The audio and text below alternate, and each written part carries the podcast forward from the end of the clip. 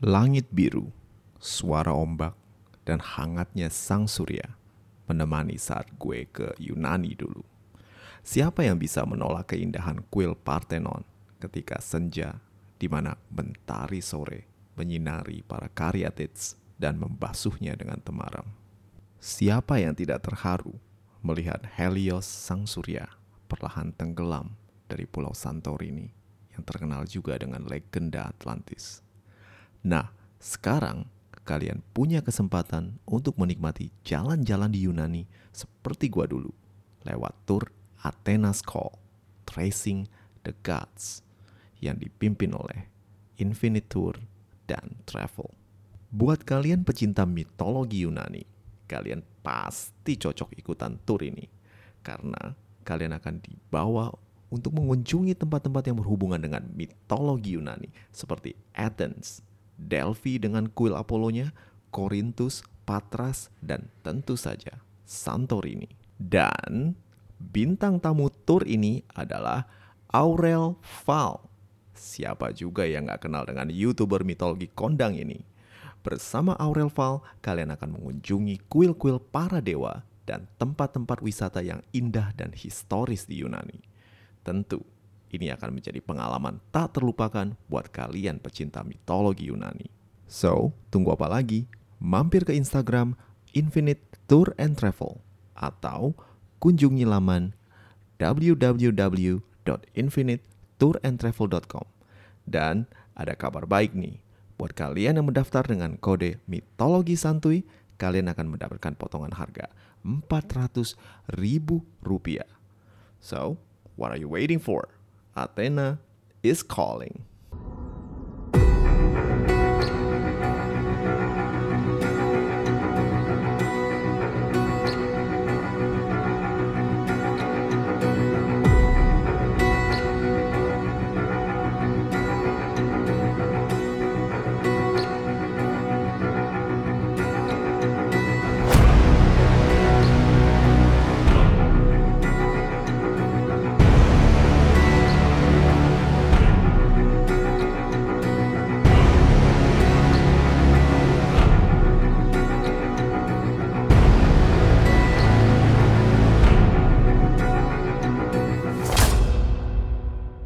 Sorak-sorai penuh kemenangan menggema di ibu kota Likia, Santos. Para penduduk menyatakan kegembiraan mereka usai mengalahkan armada Kemarus. Semua menyerukan nama Bellerophon, pahlawan mereka yang berhasil memimpin mereka melawan para bajak laut. Tidak ada wajah yang terlihat muram. Semua bergembira melihat bagaimana lagi-lagi Bellerophon menyelamatkan mereka. Pesta berlangsung begitu meriah, menyambut masa keemasan kerajaan Likia yang tampak akan diusung oleh Bellerophon. Tak ada lagi bencana, tak ada lagi kehancuran atau serangan dari berbagai bangsa, karena Bellerophon, sang penunggang Pegasus, akan membela mereka. Demikianlah, Bellerophon secara de facto menjadi Raja Likia malam itu. Raja Yobates menyadari kalau kerajaannya sudah sepantasnya dipegang oleh seorang yang lebih muda dan lebih perkasa darinya. Tanpa butuh waktu lama, sang raja menyerahkan tahta kerajaan Likia untuk Bellerophon, menantu sekaligus pewarisnya. Bellerophon menerima tahta Likia dengan penuh tanggung jawab melindungi kerajaan Likia dari berbagai serangan musuh dan membuatnya disegani kembali. Kekuasaan Bellerophon yang luas menjadikan kerajaan Likia kerajaan dengan langgam Yunani terkemuka di Asia kecil. Raja Bellerophon menjalin hubungan baik dengan kerajaan-kerajaan Yunani lain seperti Sparta, Argos, Athena, dan juga kerajaan Korintus kerajaan yang juga dipimpin oleh ayahnya, Raja Glaucus. Dewi Tike, sang keberuntungan, tampak tak henti-hentinya tersenyum kepada Bellerophon. Pernikahannya dengan Philonoe berlangsung harmonis dan hubungan keduanya menghasilkan dua putra bernama Isandros dan Hippolochus, serta seorang putri yang bernama Laudemia yang kelak akan melahirkan seorang putra hasil hubungannya dengan Zeus bernama Sarpedon. Sarpedon akan menjadi sekutu dari Hector dan Raja Priam dalam peperangan dahsyat yang kita kenal dengan nama Perang Troya. Tapi cerita tentang Sarpedon, sang cucu Bellerophon dan perangnya dalam Perang Troya masih jauh dari timeline kita. So, mari kita tinggalkan masa depan dan fokus ke masa kini. Usai ayahanda Bellerophon, Raja Glaucus, mangkat, Bellerophon mewarisi tahta kerajaan Korintus. Bellerophon menjadi raja Yunani pertama yang menyatukan dua kerajaan di Eropa dan Asia – di bawah satu kekuasaan yang dipimpin oleh satu orang. Bellerophon memerintah dengan bijak dan mengutamakan kepentingan serta kemajuan ekonomi daripada perang dan ekspansi wilayah, menjadikannya dicintai rakyat dan kerajaan Likia Korintus menjadi kaya raya. Namun, apakah ini yang diinginkan oleh Bellerophon? Bellerophon sang raja kini sibuk dengan urusan pemerintahan dan berbagai kegiatan kenegaraan yang jauh dari kisah pertempuran dan kepahlawanan. Tak ada lagi pertempuran dengan monster atau memimpin pasukan mempertahankan ibu kota dari serangan suku liar atau bajak laut. Kini yang ia lakukan hanyalah menghadiri rapat atau menandatangani surat perjanjian dagang. Pegasus sahabatnya pun hanya sesekali datang ke Likia untuk menemui Bellerophon di mana keduanya akan adu minum sampai teler. Namun tak pernah lagi mereka berjuang hidup dan mati seperti dulu. Bellerophon hidup dalam kenyamanan. Namun, apakah ia menikmati kenyamanan tersebut? Bellerophon sering tersenyum ketika mencuri mendengar kisah petualangannya diceritakan oleh para orang tua kepada anak-anak mereka. Kisah sang Raja Bellerophon menaklukkan Kimera, mengusir Ratu Amazon, dan mengalahkan para suku liar. Namun sekarang, sang Raja terkadang merenung diam dalam kesendiriannya. Ia mengenang kejayaan masa mudanya. Kenangan membawanya ke saat ketika ia berhasil melampaui berbagai rintangan walau nampaknya ia tak mungkin berhasil awalnya. Segala adrenalin dan kemuliaan menaklukkan musuh menghantuinya bagaikan kenangan masa lalu yang selalu melekat. Jelaslah, walau Bellerophon telah menjadi raja, ia masih merindukan dirinya yang dulu, yang penuh dengan kisah petualangan. Sang pahlawan keturunan dewata yang tak pernah kalah dalam bertempur dan selalu diberkahi oleh para dewata. Angan Bellerophon melayang, mengingat bagaimana ia dengan restu Athena menunggangi Pegasus, sang kuda abadi. Belum lagi saat ia menyadari potensinya sebagai putra Poseidon dan membawa sungai Santos untuk nyaris menghancurkan ibu kota Likia. Para dewa selalu berada di pihaknya dan ia belum pernah mendengar seorang manusia fana begitu diberkahi para dewa. Tidak Katmus sang pendiri tips dan penakluk naga, tidak Perseus sang pembantai Medusa yang memiliki berkah seperti yang diterimanya. Bukankah Athena yang datang ke mimpiku untuk memberi petunjuk? Tidakkah Poseidon yang mengirimkan amuk sungainya ketika aku terancam bahaya? Aku bukan sekedar pahlawan, aku lebih dari itu. Aku adalah bagian dari para dewata. Sejak saat itu, Bellerophon mulai berubah. Seolah mendapatkan inspirasi atau baru tersadar akan dirinya. Bellerophon menitahkan pembangunan patung-patung dirinya bagaikan pemimpin narsis yang ingin dirinya diingat sepanjang zaman. Hal ini tentu wajar di zaman kuno. Terkadang pembangunan patung raja atau kaisar diperlukan untuk menunjukkan wibawa dan mewakili figur sang raja di seluruh negeri. Namun hal yang berbeda dari patung Bellerophon adalah gaya patung tersebut. Patung Bellerophon bergaya bagaikan patung para dewata yang bersemayam di kuil-kuil mereka masing-masing. Satu patung bahkan menampilkan Bellerophon menunggang Pegasus sambil menggenggam kilat di tangan kanannya. Tentu saja, sekilas patung ini mirip dengan Zeus, sang raja para dewa. Biasanya, hal ini dianggap sebagai penistaan agama. Seorang fana mana boleh bergaya bagaikan dewata, apalagi menggunakan atribut dewata seperti kilat. Namun reputasi Bellerophon yang gemilang membuat kalayak ramai tidak mempedulikan apa yang dilakukan olehnya. Ya, namanya juga anak dewa. Ya, sudah selayaknya dia dihormatin kayak gitu. Rakyat Likia sudah kaidung sayang dengan raja mereka. Dan pujian serta kekaguman mereka semakin membuat Bellerophon besar kepala dan tidak lagi rendah hati seperti dirinya dulu. Ketika para penduduk membangun kuil untuk menyembahnya, Bellerophon membiarkan mereka.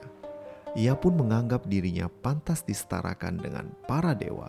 Dan tentu saja, jika ia setara dengan para dewata, ia tentu bisa mengunjungi mereka di Olympus bukan? Ide gila Bellerophon ini pun muncul di benaknya seiring dengan kedatangan Pegasus yang keheranan melihat begitu banyak patung Bellerophon di Santos. Hoi, narsis banget sih lu.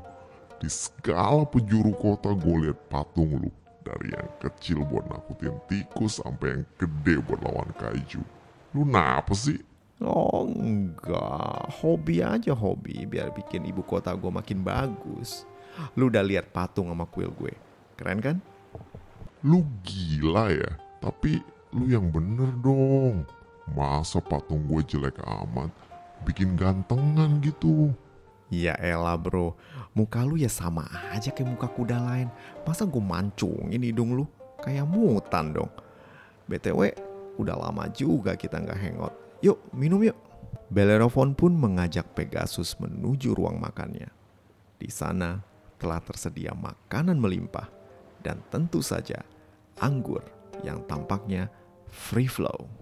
Pegasus yang suka minum anggur pun tak menunggu lama. Langsung ikutan menikmati minuman memabukkan tersebut. Keduanya terlibat obrolan ngalor ngidul tentang masa lalu dan petualangan yang mereka alami. Tak terasa, sihir Dionysus lewat anggurnya membuat keduanya mabuk dan dalam pengaruh anggur. Bellerophon pun menyatakan ide gilanya. Eh, Peggy, gue ada ide keren nih. Kita berdua kan putra Poseidon Berarti kita bukan makhluk fana biasa. Dalam darah kita mengalir darah dewata. Ah, bacot. Ngomong aja langsung. Mau ngapain lu? Lu tuh gak sabaran banget ya. Nih, gue mau kita berdua pergi ke Gunung Olympus buat ngunjungin Zeus dan dewa-dewa yang lain. Gimana? Seru kan? Hah? Gila. Enggak ah cuma para dewa yang bisa ke sana. Ini mah penistaan agama. Enggak ah. Ya elah. Kita kan setengah dewa. Ayolah. Apa lu takut ke sana? Atau jangan-jangan lu nggak tahu jalan? Eh, setan. Gue tahu jalan ke sana. Tapi ngapain sih ke sana? Lu mau nyari mati? Kagak lah bro. Tapi gue pengen ketemu mereka. Gue yakin mereka pasti nyambut kita dengan meriah. Kita kan selalu diberkahi sama mereka. Lu kagak penasaran lihat yang mulia Zeus di tahtanya yang gemilang? Lu gak kepengen ketemu Athena? Athena? Pegasus terdiam dan berpikir. Dari semua dewa dan dewi, Pegasus merasakan ada keterikatan dengan sang dewi perang. Entah karena naluri atau masa lalu ibunya, Medusa. Pegasus yang tadinya enggan ikutan niat gila Bellerophon akhirnya luluh. Oke, kita berangkat besok pagi. Nah, gitu dong. Poseidon Brothers on adventure again. Keesokan harinya, Bellerophon dan Pegasus berangkat menuju Olympus dengan para penduduk serta pejabat istana mengantar kepergian raja mereka. Philonoe dan anak-anaknya menatap dengan cemas terhadap Bellerophon. Philonoe telah menasihati Bellerophon untuk mengurungkan niatnya. Namun sang suami bersikeras dan tak ingin mendengar nasihat bijak sang istri. Rakyat Likia pun terbagi dalam opini mereka. Banyak yang menganggap Bellerophon layak diterima para dewa. Namun, tidak sedikit juga yang berpikir kalau Bellerophon telah menista agama dan akan menerima azab dari para dewa. Bellerophon melambaikan tangannya kepada para penduduk dan segera melompat ke punggung Pegasus. Segera keduanya terbang ke arah barat menuju dataran Yunani ke rumah para dewa di Gunung Olympus. Kepak sayap Pegasus membawa mereka dengan cepat menyeberangi Laut Aegea dan tak lama kemudian mereka pun mendekati kaki Gunung Olympus. Sementara itu di Gunung Olympus, Zeus melihat pemandangan tak lazim. Seorang manusia mengendarai kuda terbang hendak naik menuju kediamannya. Lancang, sungguh lancang. Anak haram Poseidon berani-beraninya masuk ke alam para dewa. Amarah Zeus memuncak. Langit di sekitar Olympus bergemuruh dan kilat pun bersahutan. Zeus mencengkram kilat di tangan kanannya, bersiap untuk melemparkannya kepada dua tamu tak diundang tersebut. Namun tiba-tiba, Athena menghentikan niat ayahnya. Sang Dewi Perang membujuk Zeus untuk tidak memusnahkan keduanya, mengingat jasa keduanya kepada umat manusia. Zeus yang tak pernah bisa menolak permintaan sang putri kesayangan akhirnya menghentikan niatnya alih-alih menghajar mereka dengan kilat, Zeus mengirimkan kawanan lebah untuk menyengat Pegasus. Kawanan lebah bergerombol turun dari Gunung Olympus, mengarah kepada Bellerophon dan Pegasus. Pegasus berusaha mengelak, namun lebah-lebah tersebut lebih gesit dan berhasil menyengat Pegasus yang langsung berteriak kesakitan. Bellerophon berusaha menenangkan Pegasus, namun rasa sakit akibat disengat lebah membuatnya tak sanggup mengendalikan diri. Pegasus meronta-ronta dan melemparkan Bellerophon dari punggungnya. Bellerophon terkejut. Dirinya kini terjun bebas ditarik oleh gaya gravitasi bumi. Matanya membelalak, seolah tak percaya niatnya menemui para dewa malah berbuah kegagalan dan malah petaka. Sesal seolah terlambat, tubuhnya yang terbanting dari punggung Pegasus menghajar permukaan bukit dengan keras. Tubuh sang pahlawan yang tak terkalahkan tersebut terbanting menghajar batu dan ranting, berguling dan akhirnya mendarat di dasar jurang. Sang pahlawan tak tersadarkan diri dengan tubuh yang penuh luka dan wajah yang tak bisa lagi dikenali. Sementara itu Pegasus tiba-tiba ditinggalkan oleh kawanan lebah yang menyerangnya dan figur yang dinantikannya pun muncul. Athena menemui sang kuda terbang dan membawanya menuju Olympus. Atas intervensi Athena, Pegasus tidak dihukum oleh Zeus. Zeus malah menugaskan sang kuda mulia sebagai pembawa kilatnya dan kelak atas jasa-jasanya Pegasus dijadikan rasi bintang yang menghuni langit dengan penuh kemuliaan. Nasib berbeda dialami oleh Bellerophon sang pahlawan akhirnya tersadar setelah terjatuh dari Pegasus. Ia mendapati dirinya buta dan lumpuh akibat jatuh dari ketinggian. Bellerophon hidup bagaikan pengemis buta, berusaha kembali ke kerajaannya. Namun tak seorang pun mengenalinya. Sampai akhir hayatnya, ia mengembara penuh dengan kepahitan.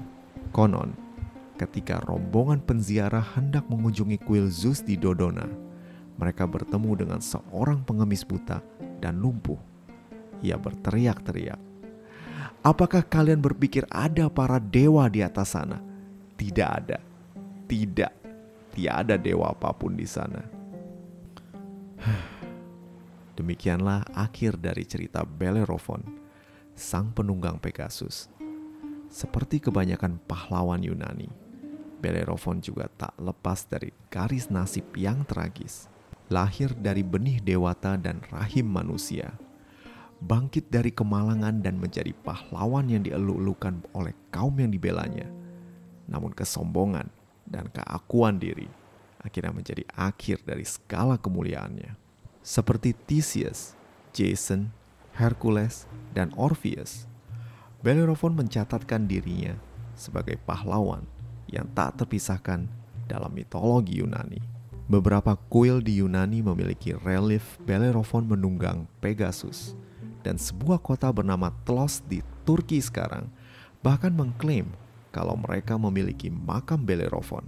Bellerophon adalah pahlawan, dan walau akhir hidupnya tragis, kisah kepahlawanannya lebih melekat dibandingkan dengan kegagalannya. Nah, demikianlah kisah dari Bellerophon sang penunggang Pegasus. Gue harap kalian puas dengan cerita Bellerophon yang akhirnya menemui akhir di episode kali ini. Kalau kalian punya unek-unek atau kepengen kasih komen tentang Bellerophon, silahkan. Gue tahu kalau akhirnya mungkin tragis banget tapi well that's how the story goes. Thank you for listening and buat kalian yang kepengen dukung podcast ini seperti biasa silahkan mampir ke laman traktir mitologi santu yang tersedia di deskripsi episode. Udah dulu ya. Oh ya. Hmm. Episode mendatang. Ngapain ya? Ah, tar aja deh. Gua pikir-pikir dulu. Anyway, udah dulu ya. See you and ciao.